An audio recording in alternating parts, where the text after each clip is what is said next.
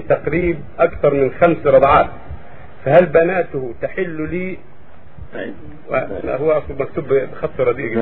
لي أخ أكبر مني وهو أكبر إخواني. وقد رضع مع عمي تقريبا أكثر من خمس رضعات. فهل بناته تحل ل لخوي لأولادي. ما أعرفش الأخ الأخ الكبير وإخواني أم لا؟ ما أعرف يعني هو صاحب السؤال كل حال إذا إذا رضع الإنسان إذا رضع أخوه. بناته يعني أخوك رضع من زوجة أبيك زوجة جدك. من زوجة جدك أم عمك. أم عمك. من زوجة جدك يعني. من زوجة جدك. إيه. وهذا عمك أخو أبيك. إذا رضع إذا رضعت المرأة من زوج من زوجة جدك صار هو صار أخا لكم. صار أخا لأبيه وأخا لأعمامه.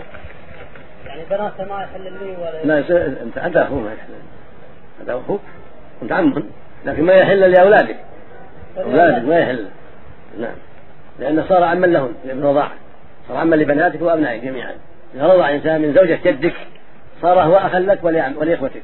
وصار عما لأولادكم بالرضاعة. يحرم من الرضاعة يحرم من النسب.